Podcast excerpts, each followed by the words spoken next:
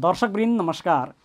नेपाल लाइभको विशेष कार्यक्रम बहसमा काङ्ग्रेसमा यहाँहरूलाई स्वागत छ। म डिबी खड्का। देशको पुरानो तथा प्रमुख दलमध्ये एक नेपाली काङ्ग्रेस चौधौँ महाधिवेशन केन्द्रित छ। नेपाली काङ्ग्रेसको नीति र नेतृत्वका विषयमा यो कार्यक्रममा हामी बहस गर्दै आएका छौँ। विशेष गरी नेपाली काङ्ग्रेसको आगामी महाधिवेशनपछि लिने नीति र नेतृत्वका विषयमा हुने बहसमा हामी विभिन्न व्यक्तित्वहरूसँग अन्तर्संवाद पनि गर्ने गर्छौँ। यही क्रममा आजको श्रृङ्खलामा नेपाली काङ्ग्रेसका प्रभावशाली नेता रामरी खतिवडा हामीसँग हुनुहुन्छ। उहाँसँग हामी नेपाली काङ्ग्रेसको चौधौँ महाधिवेशन र नेपाली काङ्ग्रेसको नीति नेतृत्वका विषयमा संवाद गर्नेछौँ। संवादमा यहाँलाई स्वागत छ। धेरै धेरै धन्यवाद। नेपाली काङ्ग्रेसको चौधौँ महाधिवेशन केही पर सरेको छ। त्यस विषयमा आउनु अघि जुन नेपाली काङ्ग्रेसको अहिलेको नेतृत्व छ शेरबहादुर देवाको नेतृत्वमा सरकारमा पनि छ नेपाली काङ्ग्रेसको नेतृत्व पनि उहाँले गरिराख्नु भएको छ। उहाँलाई वाम शक्ति फुटाउने एक खालको ठेक्का पर्छ कि सधैँ उहाँलाई त्यो फुटाउने संयोग मिल्छ? अलिकता यो विषयमा म तपाईँलाई अनुरोध गरौँ यसचोटिको काङ्ग्रेसको नेतृत्वमा सरकार बन्नुमा शेरबहादुर देवालले चाहेर थिएन। केपी ओलीका कारणले हामीले यो सरकारको सत्र महिने अवधि प्राप्त गर्ने अवसर पायौँ। म यो कुरामा केपी ओलीलाई धन्यवाद दिन चाहन्छु। उहाँले यो गुटको राजनीति नगरेको भए सम्पूर्ण नेकपा मेरा हुन् र नेपाली जनता मेरा हुन्। मेरो देशमा मेरा सन्तानहरू छैनन्। मेरो पार्टीभन्दा पनि माथि उठेर मुलुकको मात्रै सेवा गर्छु। र यो अवसर बिरलै प्राप्त हुन्छ यसको सदुपयोग गर्छु भन्ने सिद्धान्त अनुसार काम गर्नुभयो भए शेरबहादेव अहिले प्रधानमन्त्री हुनुहुन्न थियो र हामीले अहिले नेकपा एमाले नेकपा मात्रै फुटाएको पनि होइन। हामीले फुटाएको पनि नेकपा। नेकपा ओलीजीले फुटाउनु भयो तपाईँहरूले सहजीकरण होइन म तपाईँलाई अनुरोध गरेँ। पाँच पुस दुई हजार सतहत्तर दिन बिहान म सात बजे मोर्निङ वाकमा थिएँ। मैले एकजना साथीलाई मलाई खबर आयो। आज नौ बजे साढे नौ बजे संसद विघटन हुँदैछ है रामरजी भन्नुभयो। मैले केही नेताहरूलाई केही साथीहरूलाई त्यसै तुरुन्तै फोन गरेँ र भेटेँ। होइन यो सम्भव छैन भन्नुभयो। साढे नौ बजे म एउटा साथी कहाँ जाँदा नजाँदा राष्ट्रपति कहाँ त गइसक्यो र संसद विघटन भयो। त्यसको भोलिपल्ट तपाईँको के भयो भने माधव नेपाल प्रचण्डहरूको एउटा समूह नेकपा भित्रैको मैले नेकपा त्यतिखेर नेकपा भन्ने पार्टीलाई फुकपा भने फुटेको कम्युनिस्ट पार्टी भने। एकातिर दाने समूह दाहाल नेपाल समूह अर्कोतिर अलिकति अप्ठ्यारो शब्द छ केरा समूह भन्थे त्यतिखेर केपी ओली र रामबहादुर बादल समूह। त्यसलाई विभाजन गराउने काम कसले गर त? नेकपालाई त्यो समूहगत रूपमा लाने काम? केपी ओलीले गर्नुभयो गर्नु भएन त्यसपछिबाट संसद पुनर्बाली भयो। पुनर्बाली भएको छ महिना नपुग्दै फेरि केपी ओलीजीलाई फेरि अर्को सनक चढो हेर्नुहोस् तिन वर्षको अवधिमा। मुलुकका लागि उहाँले काम गर्न चाहेको भएदेखि सात सालमा पछि पन्ध्र सालमा बिपी कोइरालालाई यति अपर्च्युनिटी थिएन। राजाले उहाँलाई बिपीलाई काम गर्न दिनुभएको थिएन। अहिले तिन वर्षको अवधिमा कुनै दिन एक दिन नेपाल बन्द भएको तपाईँले सुन्नुभयो प्रतिपक्षले? कुनै दिन हडताल भएको सुन्नुभयो? कुनै दिन तपाईँको विद्यार्थीले जुलुस निकालेर सुन्नुभयो? कुनैले मजदुरहरूले मजदुर हडताल गरेको सुन्नुभयो? कुनै दिन बस व्यवसायहरूले बसको अन्त्य गरेको सुन्नुभयो? सारा यत्रो समर्थन हुँदाहुँदै पनि आफ्ना गुटका आफ्ना नाता आफ्ना दाताहरू व्यापारीहरू आफ्ना चाहिँ नातेदारहरू आफ्ना सम्पत्तिका साथीहरू बदनाम मान्छेहरूलाई साथ दिएर वडा सदस्य हारेको छ मान्य बनाइदिएको छ वडा अध्यक्ष हारेको छ तपाईँको मान्य बनाइदिएको छ प्रदेशमा प्रमुख बनाइदिएको छ मेयर हारेको छ त्यसलाई र देखिहाल्नुभयो प्रतिनिधि सभा हारेका वामदेव गौतम र तपाईँको चाहिँ नारायण काजीलाई अहिले राष्ट्रिय सभा नभई भएन। पाँच वर्ष म पनि चुनाव हारेको थिएँ। यी सबै अवसर प्राप्त गरेको पार्टी केपी ओलीले राम्ररी काम गरेको भए शेरबहादुर देवाललाई न यो दोष न गुण केही पनि आउँदैन थियो। त्यसैले केपी ओलीले नै पार्टी फुटाएको शेरबहादुरले पार्टी फुटाएको होइन शेरबहादुरलाई यसमा तपाईँहरूले दोष दिएर शेरबहादुरलाई यो फुटाउ राजनीति गर भन्ने नेताको रूपमा नचिनिदिनु हुन तपाईँलाई अनुरोध गर्न चाहन्छु जस्तो यी कृत्यहरूका लागि त सजाय नेकपा एमाले वा नेकपा वा नेकपा यो वाम शक्तिका नेताहरूलाई जनताले दिन्थे। तर यही बिचमा नेपाली काङ्ग्रेस आउनु सभापति शेरबहादुर देउबा अघि सर्नु किन पर्यो किन ल्याउनु पर्यो अध्यादेश? तपाईँलाई अनुरोध गरेँ धेरै पहिलादेखि नेकपा एमाले जन्माउन र नेपालको कम्युनिस्ट आन्दोलनमा राम्रो भूमिका खेल्नु भएको माधव नेपालजी हुनुहुन्थ्यो। केपी ओलीले तपाईँले मैले भनेको सुने दुई तिहाईको प्रधानमन्त्रीले बालुवाटारमा यसरी राज गर्नुभएको थियो। एकाएक उहाँ चाहिँ कुदेर बालकोटको वार्तालीमा झस्सती सपना बिउजे जस्तो गरेर भाषण गर्ने बेला अवस्था सिर्जना भयो। उहाँ निन्द्रैमा बोले हो कि बिउजेर बोलेको वार्तालीमा पुग्दासम्म उहाँले थाहा पाउनु भएन र भन्नुभयो माधव नेपाल जस्तो मान्छेलाई नेकपा एमालेमा ठाउँ छैन र माफ दिने ठाउँ पनि छैन भनेर बोलिदिनु भयो। यो पार्टी निर्माण गर्दाखेरि उहाँको पनि योगदान होला। भले उहाँका पार्टीमा धेरै म प्रवेश गर्न चाहन्न। अहिले काङ्ग्रेसको म एउटा कार्यकर्ता हुँ तर देखेको कुरा जुनसुकै पार्टीको पनि मैले व्यक्त गर्दाखेरि अप्ठ्यारो छैन होला। झलनाथ खनालको पनि के जेएन खनाल सिपी मैनाली कुन दिन माधव नेपालहरूको योगदान चाहिँ कम छ जस्तो मलाई लाग्दैन हिजो कम्युनिस्ट पार्टी निर्माण गर्नमा।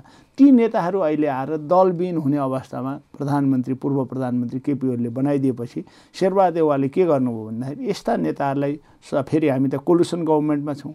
उहाँहरू हिजो रा तपाईँको राष्ट्रपति कहाँ जाँदाखेरि पनि एक सय उन्चासको सही लिएर जाँदा पनि हामीसँग साथ दिएर जानुभएको छ। सर्वोच्च अदालत जाँदा पनि उहाँहरू साथ दिएर जानुभएको छ। हिजो विश्वासको मत लिने बेलामा पनि उहाँहरूले साथ दिएर जानुभयो। भलै धारा छयत्तरको पाँच अनुसार प्रधानमन्त्रीलाई विश्वासको मत लिँदा हुइप लाग्दैन भनेर सर्वोच्चले फसेलाले बोलिसकेको छ। सबैको रा साथ दिएको एउटा नेता म दलबिन हुने अवस्थामा पुगेँ। मलाई पार्टीले ठाउँ दिएन। लोकतन्त्रका लागि लड्दा प्रजातान्त्रिक आन्दोलनका लागि लड्दा संविधान कानुनका लागि लड्दा संवैधानिक व्यवस्थाका लागि लड्दा नेपालको संविधान पालन हुनुपर्छ भनेर लड्दाखेरि मैले ठाउँ पाइनँ म दलबिन अवस्थामा हुने अहिले म काङ्ग्रेसमा आउन सक्दिनँ माओवादी जान सक्दिनँ। म के गरौँ बाबा भनिसकेपछि उहाँलाई ठाउँ दिन पनि र मन्त ठाकुरहरू सर्वोच्च अदालतले होइन निर्वाचन आयोगले नै अर्को पार्टीमा त्यो जाऊ पार्टी फुटो भनेर सर्वोच्च अदालत गुहार्दा पनि उहाँहरूको अवस्था पनि त्यही सिर्जना भएपछि यी नेताहरूलाई पनि स्पेस दिन बहुदलीय व्यवस्था स्पेस दिनका लागि यो अध्यादेश ल्याइएको केपी ओलीका जस्तो अर्को पार्टी फोलेर आफू राज गर्छु भनेर ल्याइएको होइन। जस्तो पार्टीभित्रै पनि बाहिरको यति धेरै प्रेम छ दया छ माया छ तर पार्टीभित्रै पनि स्थायी प्रतिपक्ष जस्तो समूह छ। र त्यहाँ पनि नेताहरू छन् जस्तो रामचन्द्र पौडेल लामो समयदेखि उहाँको अपेक्षा पार्टीको नेतृत्व गर्नेछ यो दया माया पार्टीभित्रै पनि अलिअलि भयो भने समेट्यो भने अझ फरक पर्थ्यो होला। नेपाली काङ्ग्रेस अझ बलियो हुन्थ्यो होला नि। पार्टीभित्र त उहाँ असफल जस्तो देखिनुहुन्छ अहिले भनेको कुरा म केही कुरासम्म भन्छु। पार्टी अहिले यो अवस्थामा आउन शेरबहादेव वा रामचन्द्र पौडेल शशाङ्क कोइराला अथवा निर्वाचित पूर्णबहादुर खड्का विजय गच्छेदार अथवा विमल निधि पदाधिकारीको नाउँ मात्रै लिएँ मैले अहिले। अथवा सहमहामन्त्रीसम्म प्रवक्तासम्म जाउँला त्यो जाँदाखेरि। यिनीहरूको मात्रै योगदान छैन। म त समग्रता भन्छु यो सेन्ट्रल कमिटीमा निर्वाचित भएर आएका सबै साथीहरू सबै साथीहरूको दोष छ यसमा। एउटाको होइन। किन सभापतिलाई ठिक ट्र्याकमा ल्याएर अधिवेशन समयमा गराउनुपर्छ भने उहाँहरू लाग्नु भएन? के महामन्त्रीको यसमा कम भूमिका हुन्थ्यो? उपसभापतिको कम भूमिका हुन्थ्यो? वरिष्ठ नेताको कम भूमिका हुन्थ्यो? सभापतिको कम भूमिका हुन्थ्यो? हामी त्यही कमिटीमा बस्ने।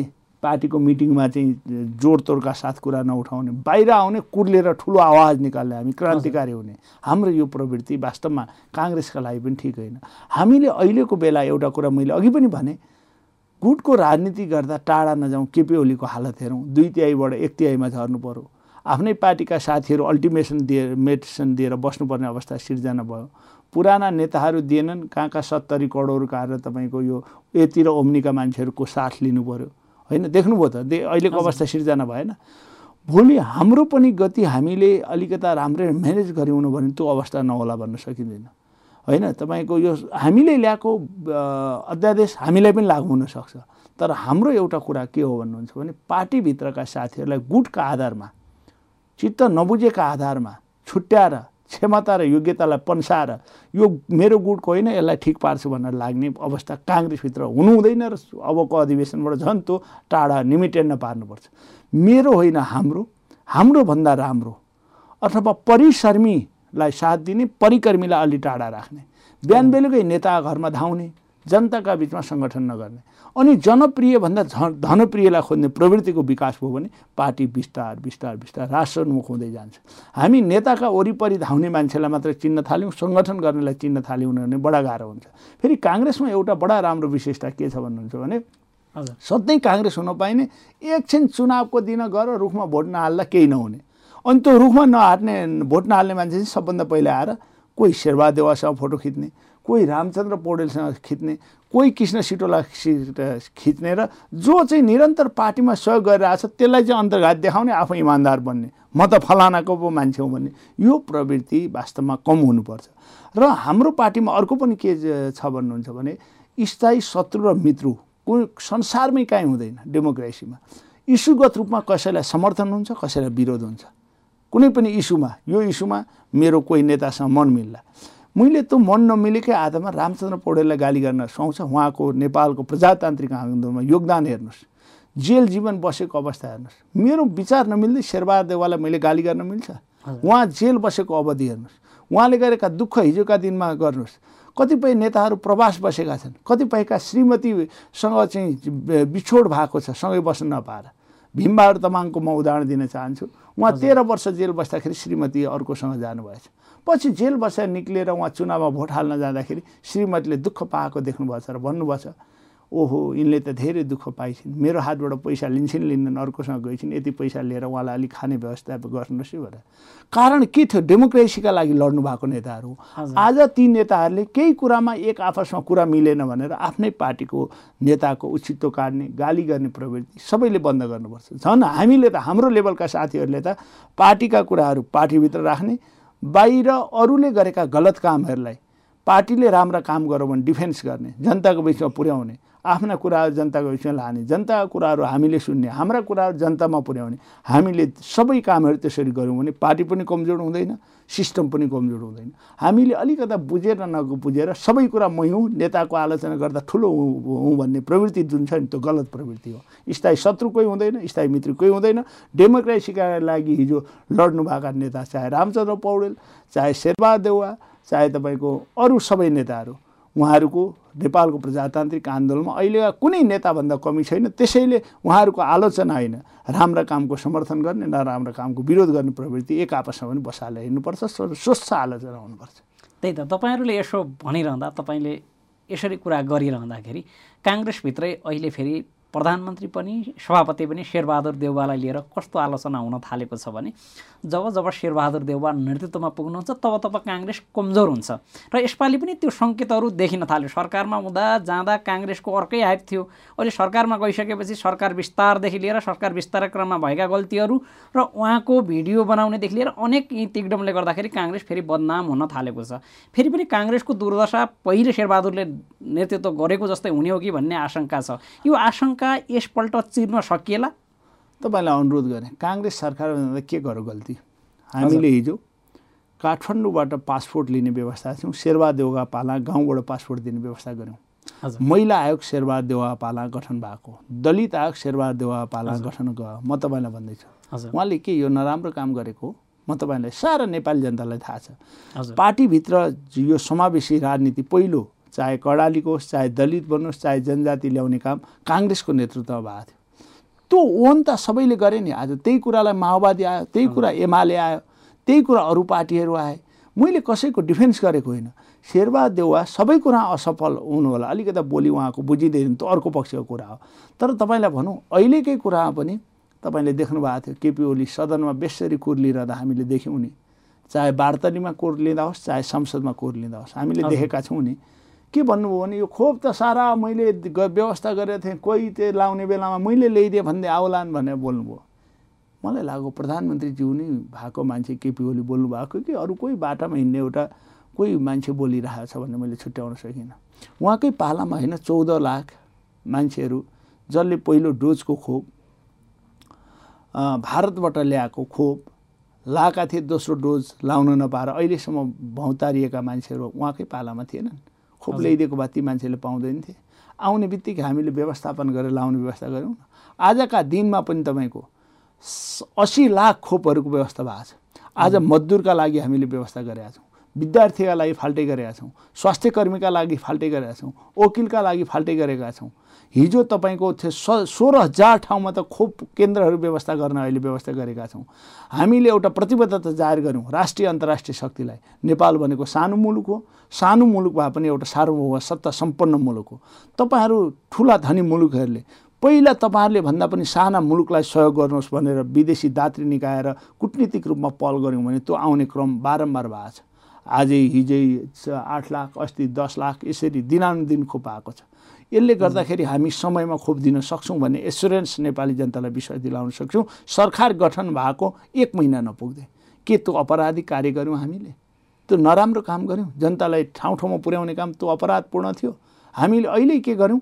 सातै प्रदेशमा हस्पिटल तपाईँको मेडिकल हस्पिटल राख्ने यो सरकारले निर्णय गरेर थाहा पाउनु के त्यो शेरबहादेवाले नेपाली काङ्ग्रेसको नेतृत्वमा भएको सरकारले अपराध गरेको हो?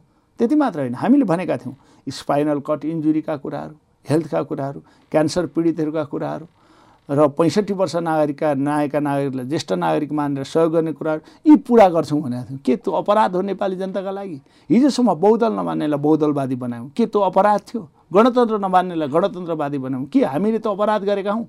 हिजोसम्म बहुदलीय व्यवस्था र संसदीय पद्धति नस्वीकार्ने र त्यो ल्याएर हिजोसम्म संविधान नमान्नेलाई वारी खाना खाएर पारी ढुङ्गा हान्नेलाई भित्र ल्याएर संविधान मान्ने हो। के त्यो अपराध थियो नेपालको पक्षमा?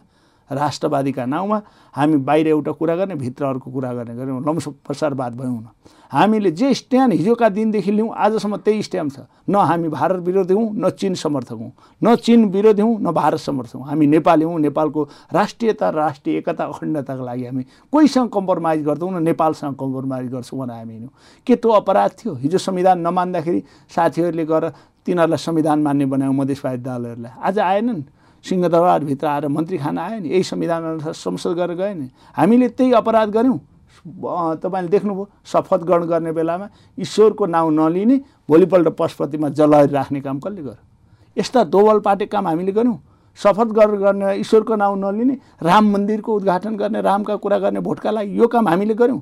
हामी दुईवटा काम गर्दैनौँ एउटा बोल्ने र अर्को गर्ने काम हामी बढाउँदैन। जे गर्छौँ त्यही बोल्छौँ जे बोल्छौँ त्यही गर्छौँ। त्यो अपराध थिएन। अहिले पनि तपाईँलाई विश्वास दिलाउन चाहन्छु काङ्ग्रेसको नेतृत्वमा नेपाली जनताको राष्ट्रियतामाथि घात हुँदैन जनताको जन जन जनजीविकाको सवालमाथि अन्तर्घात हुँदैन युवामाथि हामीले प्रहार हुँदैन जे गर्छौँ त्यो पुरा गर्छौँ जे बोल्छौँ त्यो पुरा गर्छौँ हामी। त्यो ढुक्क हुनुहोस् काङ्ग्रेसको मात्र होइन देशको शिर कमजोर हुने अवस्था काङ्ग्रेसको नेतृत्व सरकारले हिजो पनि गरेन भोलि पनि गर्दैन आज पनि गर्दैनौँ। हामी हारेर पनि देश बचाउने काम गऱ्यौँ न संविधान सभाको निर्वाचनमा। संविधान कार्यान्वयनमा पनि हामी हार्यौँ तर देशलाई बचायौँ न। जित्नेको गत्ता देख्नु पनि आज। सबै सपना बाँडेको थिएन। घर घरमा रेल पानी जहाज ग्यासका पाइपहरू सगरमाथामा कोही कार मेची महाकाली जाने पुल सुनको भर्याङ खै केही भयो त? बोलेर हुँदैन। गरेर देखाउनुपर्छ। हाम्रो गर्ने काम हो अरूको प्रचार गर्ने काम हो। त्यही त। बलियो भएको पार्टी बलियो भएको शक्ति आफै कमजोर भएका कारण काङ्ग्रेस फेरि सत्तारोहण भएको छ। काङ्ग्रेस सप्रिएर सत्तारोहण भएको हो भन्नेमा धेरैलाई विश्वास छैन। तपाईँले भनेका कुराहरूमा केही सत्यता होला त्यो त्यसै गरी बुझ्या होला नहोलान् त्यो बाँकी दिनका कुरा छँदैछन्। तर अहिले नेपाली काङ्ग्रेस फेरि पनि नीति र नेतृत्वको बहसको बेलामा छ चौधौँ महाधिवेशन तपाईँको सङ्घारमा छ केही दिन पर सार्नु भएको छ केही महिना पर सरेको छ। तर पनि त्यो महिना पनि त्यसै गरी महाधिवेशन होला भन्ने आशंका यथावत छन्।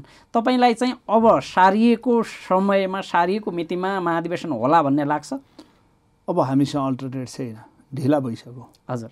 हामीले आफ्नो विधानले दिएको समय अवधि पार गऱ्यौँ। संविधानले दिएको समय अवधि पनि पार गऱ्यौँ। हजुर। अब हामी पाइपलाइनमा सुरुवात गर्दैछौँ। अब पनि सार्ने हाम्रो ठाउँ छैन। अब समस्या हाम्रा कारणले मात्रै थिएन। राष्ट्रिय अन्तर्राष्ट्रिय रूपमा आएको कोभिड नाइन्टिन कोरोना महामारी। पाँचजना पन्ध्रजना भेला हुने ठाउँ थिएन। लकडाउन भएकै हो तपाईँलाई थाहा छँदै थिएन। त्यो लकडाउनको बिचमा हामीले रिस्क लिएर केपी ओली बा जिन्दाबाद भन्नेलाई जुलुस निकाल्न दिने अरूलाई घरभित्र थुन्ने काम गर्ने होइन नि। सबै नेपाली जनताले एउटै नियम लागू गर्नु पऱ्यो नि। जब भेला हुने अवस्था थिएन भने हाम्रो क्रियाशील झन्डै नौ लाख पुगेको छ। नौ लाख मान्छेहरू एकै दिन वडा अधिवेशनमा भाग लिनुपर्ने हुन्छ। सतहत्तरै जिल्लामा। छ हजार सात सय त्रिचालिसै वडामा एकै दिन हामी अधिवेशन गर्छौँ। हजुर। त्यहाँ पनि मान्छेहरू जम्मा हुनुपर्ने छ। कमसेकम केही मान्छेहरूले खोप लाएका हुन्। त्यहाँको निर्वाचन अधिकारीले खोप लाएका हुन्। त्यहाँका जाने साथीहरूले खोप लाएको अवस्था सिर्जना भयो भने अलिकति मान्छे कन्फिडेन्सियल त हुन्छ नि। त्यसैले अलि अधिवेशन पर सर अब अधिवेशन विभिन्न बाहनामा पर सर्दैन तपाईँले भनेको नीति र नेतृत्व पनि क्वेसन्स आएको छ। अहिले कहिलेकाहीँ महाधिवेशन गर्दाखेरि हामी नेता मात्रै चुन्छौँ नीतिलाई छोड्छौँ। यसलाई अलिकति परिवर्तन गर्नुपर्ने जरुरी देखिन्छ। सबै एकैचोटि परिवर्तन हुँदैन। अब यो चौधौँ महाधिवेशनपछि मलाई लाग्छ काङ्ग्रेसमा एउटा युवामय युवाको पार्टी हुन्छ दलितको पार्टी हुन्छ जनजातिको पार्टी हुन्छ मधेसको पार्टी हुन्छ सबै जात वर्ग र धर्म सम्प्रदायको पार्टी हुन्छ। बाहिर हल्ला के थियो भने काङ्ग्रेसमा तपाईँको अलिकता युवाहरूले ठाउँ पाएनन् भन्ने थियो। पिपी कोइराला गृहमन्त्री हुँदा दुई हजार सात सालमा कति वर्षको हुनुहुन्छ? छत्तिस वर्षको हुनुहुन्थ्यो उहाँ उन्नाइस सय एकात्तर सालमा जन्म भयो किसिनजी सबभन्दा कलिलो उमेरमा संसारकै सबभन्दा कलिलो सभामुख हुनुभयो। त्यो त विगत हो नि तपाईँ म भन्दै वर्तमानका काङ्ग्रेसका कुरा हो नि त, नेताहरू। काङ्ग्रेसका अहिले अहिले। अहिले पनि म तपाईँलाई भन्दैछु। यो ठाउँ पाएका युवाहरूले पनि पर्फर्मेन्स देखाउनु पऱ्यो नि। बाहिर कुर्लिएर मात्रै त हुँदो रहेन रहेछ नि। ठाउँमा को पुग्नु भएको छैन? म पनि पार्लियामेन्टमा पुगेँ। म मन्त्री भइनँ होला। तर आफ्नो भूमिका मैले कमजोर पार्लियामेन्टमा कहिले हुन दिइनँ। आफ्ना पालामा। सधैँ मान्छेको त्यो अवसर पनि प्राप्त हुँदैन। नहोला पनि भोलि होला नहोला अर्को पक्ष। त्यो फेरि त्यसको मूल्याङ्कन गर्ने जिम्मा अरूकै हो मेरो होइन। तर जहाँ जसले ठाउँ पाएको छ युवाहरूले पनि प्रस्तुत हुनु पऱ्यो नि। बाहिर कुर्लिने भित्र चुप्पा लगाएर बस्ने प्रवृत्ति हामीमा पनि हुनु हुँदैन चित्त नबुझेको कुरा नेतृत्वको पनि हामीले खुलेआम विरोध गर्न सक्नुहुन्छ। तर त्यो विरोध पार्टीको ढोकाभित्र हुन्छ बाहिर हुँदैन पार्टीभित्रका कुराहरू। र समर्थन गर्ने कुरा बाहिर पनि हुन्छ भित्र पनि हुन्छ। राम्रा कुराहरूको। त्यसैले युवालाई अब हामी के चाहँदैछौँ भने तेह्रौँमा पनि केही युवा साथीहरू जानुभएको थियो। अलिकता कोअर्डिनेसन पनि नभएको हुनसक्छ। अहिले फेरि अधिवेशन आयो फेरि मिटिङ सुरु भएको छ युवा साथीहरूको पनि। तर अधिवेशनको बेला एउटा युवाले अर्कोलाई हराउन लाग्ने हो भने फेरि त्यो केही अर्थ हुँदैन। हाम्रो चाहना मेरो चाहिँ के छ भन्नुहुन्छ भने सम्भावना बोकेका साथीहरू। जसले पार्टीका आदर्श मूल्य मान्यतालाई जनताको बिचमा लान सक्छ जनताका कुराहरू राष्ट्रिय अन्तर्राष्ट्रियमा राख्न सक्छ पार्टीका सिद्धान्तलाई राम्ररी व्याख्या गर्न सक्छ त्यो साथी कहीँबाट पनि नछुटोस्। चाहे त्यो मसँग असहमत होस् गुट गत रूपमा फरक होस् गुट पनि सधैँ एउटै गुट लिएर फलानु नै हुनुपर्छ नभएदेखि पार्टी त्यो होइन। हेर्नुहोस् क्षमता भएका मान्छेलाई परिश्रमी मान्छेलाई ठाउँ नदिएर परिकर्मीलाई मात्रै ठाउँ दिउँ भने परिणाम पनि राम्रो आउँदैन। स्याउ रोपेर च्याउ खान पाइँदैन र च्याउ रोपेर स्याउ खान पाइँदैन। त्यसैले जहाँ जे छ ती मान्छेहरूलाई सही मान्छेलाई सही ठाउँमा उपयोग गर्ने नीति हिजोका दिनमा भएन भने चौधौँ महाधिवेशनपछि काङ्ग्रेसले गर्छ र अब युवाहरूलाई बढी साथ लिनुपर्छ। अहिले पनि संसारमा देख्नुभयो हुन त जोन वाइडेन अहिले अठहत्तर वर्षमा अमेरिकाको राष्ट्रपति हुनुभएको छ। भारतको राष्ट्रपति पनि सत्तरी पचहत्तर नआएको हुन्छ चिनको राष्ट्रपति पनि तपाईँको देखिहाल्नुभयो। झन्डै सत्तरीको नजिक हुनुहुन्छ। शक्ति राष्ट्रका मान्छेहरू अलि मेच्योर देखियो होला। ठुला उमेर पुगेका होला। त्यो सँगसँगै अहिले चालिसभन्दा कम उमेरका मान्छेहरू विश्वमा झन्डै पचासवटा देशमा चाहिँ हेड अफ द गभर्मेन्ट र हेड अफ द स्टेट छन्। पच्चिस वर्षको उमेर मलेसियामा त्रियानब्बे वर्षको मोहम्मद माथिर पहिलोचोटि निर्वाचित प्रधानमन्त्री हुनुभएको छ भने ती पच्चिस वर्षको खेलकुद मन्त्री छ। हामीले सबैलाई समायोजन गऱ्यौँ भने लिएर जान सक्यौँ भने त्यसको परिणाम पोजिटिभ आउँछ। विचारले हो युवा हुने भन्ने। आफ्नो दृष्टिकोणले हो उमेरले हुँदो रहेन रहेछ। देख्नु भएन। उमेरले मात्रै मान्छेले हुन्छ थकित हुन्छ काम गर्न सक्दैन कहिलेकाहीँ बिर्सिने शक्ति होला। भनेका बेला चाहिँ तपाईँको पत्रिकाहरूले पढेर सुनाइदिनु पर्ने होला। हिँड्ने बेला लट्ठी ठिक पारिदिनु पर्दो जुत्ता ठिक पारिदिनु भाषण लेखिदिनु पर्दो। त्यसलाई पनि अब परिमार्जित गर्दै ती मान्छेहरूलाई पनि त्यो नेतृत्वलाई पनि साथ लिएर जो क्षमतावान छन् तिनीहरूलाई पनि काखा पाखा नगरिकन लिएर हिँड्नु भने काङ्ग्रेसलाई हराउने तागत कसैको छैन। हरा भने आफ्नै साथीहरूको कारणले मात्रै हार्छ। त्यो पनि मैले अघि भने जतिसुकै ठुलो फाँसो भएको गाई छ भने पनि दुध दिने बेला दिँदैन भने त्यसको अर्थ हुँदैन। जति सुन्दर श्रीमती भए पनि बिरामी हुँदा अप्ठ्यारो पर्दा घर छोडेर अन्त जान्छन् भने ती श्रीमतीको अर्थ रहँदैन होला। म त अविवाहित त्यो कुरा मलाई थाहा छैन। तपाईँले क्वेसन सोध्न थालिसक्नु भएको थियो त्यसै गरी जति ठुलो ज्वरो भएको गोरु छ भने पनि जोत्ने बेलामा बस्यो भने त्यस्तो काम छैन। जतिसुकै राम्रा कार्यकर्ता भए पनि चुनावका बेलामा अलि अल्छी गर्ने बढी भोग्ला बन्ने वास्ता नगर्ने नहिँड्ने भयो भने तिनीहरूको काम हुँदैन। त्यसैले कार्यकर्ताको मूल्याङ्कन चुनावको बेला हुन्छ। अनि ती बेला आफ्नो लागि मात्रै होइन देश र पार्टीका लागि। पार्टी आफ्नो पार्टीको अधिवेशनमा चाहिँ ज्यान दिएर खट्ने जहाँ पनि पुग्ने अरू चुनावमा चाहिँ हात बाँधेर बस्ने देश जाएको भन्ने हो भने त्यो पनि अर्थ रहँदैन।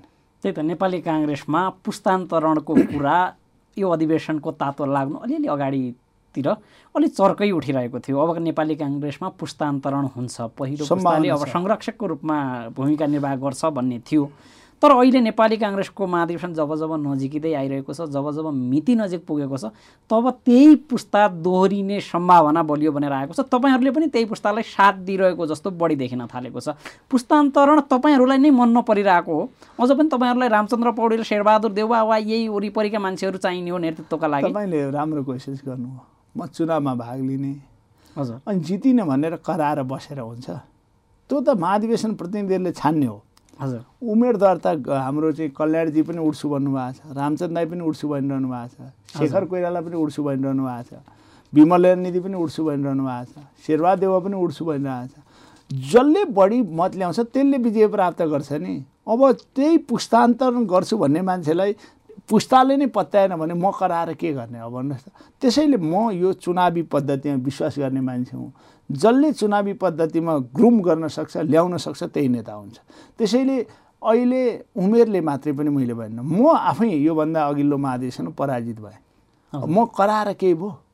मलाई साथीहरू बहु धेरै साथीहरूले अब त्यो होला काहीँ गुटको पनि प्रभाव पर्यो होला काहीँ त्यो आफ्नै साथीहरूको पनि प्रभाव पर्यो होला तर त्यसको केही अर्थ रहेन नि।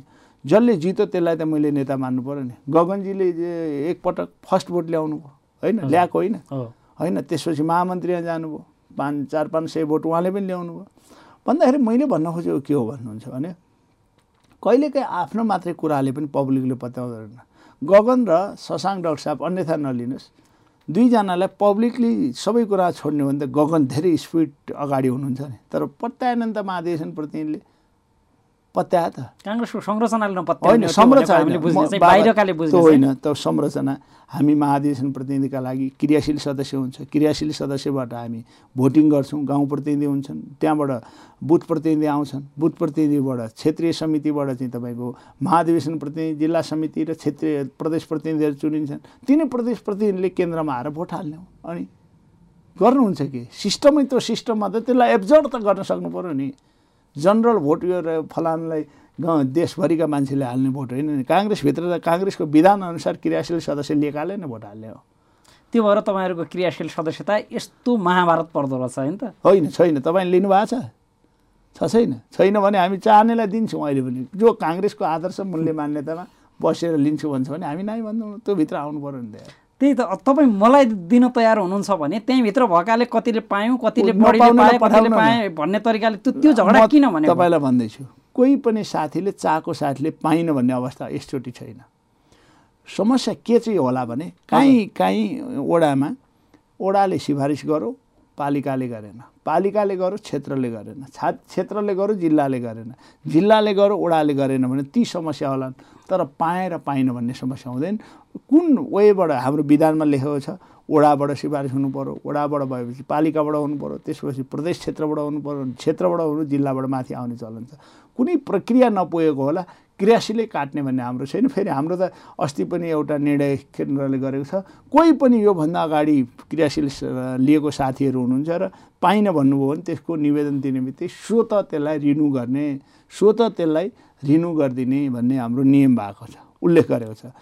त्यसमा एउटा मात्रै छ अस्तिको चुनावमा उम्मेदवार भएका समर्थक र प्रस्तावक तिनजना मान्छेलाई चाहिँ एकपटकका हकमा अघिल्लो महाधिवेशन पछाडि चुनाव भयो हजुर। एकपटक हकमा तिनीहरूलाई चाहिँ किनभने अनुशासन भनेर त्यो पनि कतिपय ठाउँमा हामीले भन्यौँ पनि अब सधैँ पार्टीभित्र यो गरे हुँदैन।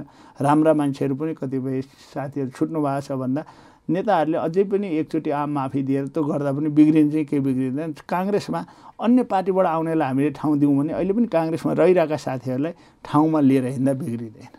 हामीले चाहिँ के सुनेको भने सभापति शेरबहादुर देउवाले आफू जित्ने अवस्था नआउन्जेलसम्म यो महाधिवेशन यस्तै रहिरहन्छ यो क्रियाशील सदस्यताको विवादन यस्तै रहिरहन्छ बाँकी सब चिज यस्तै रहिरहन्छ भन्ने तरिकाले सुनिन थालेको छ। यो कति आरोप कति सत्य? अब यो कसले भनेको? अहिले कसैले जित्ने अवस्था पनि सिर्जना भएको छैन। शेरबहादुर देवालले जित्ने अवस्था पनि छैन रामचन्द्रले पनि छैन। क्रियाशील सदस्यबाट महाधिवेशन प्रतिनिधिले आएर भोट हाल्ने। महाधिवेशन प्रतिनिधि चुनिएका छैन अनि कहाँबाट जित्ने नजित्ने कुरा?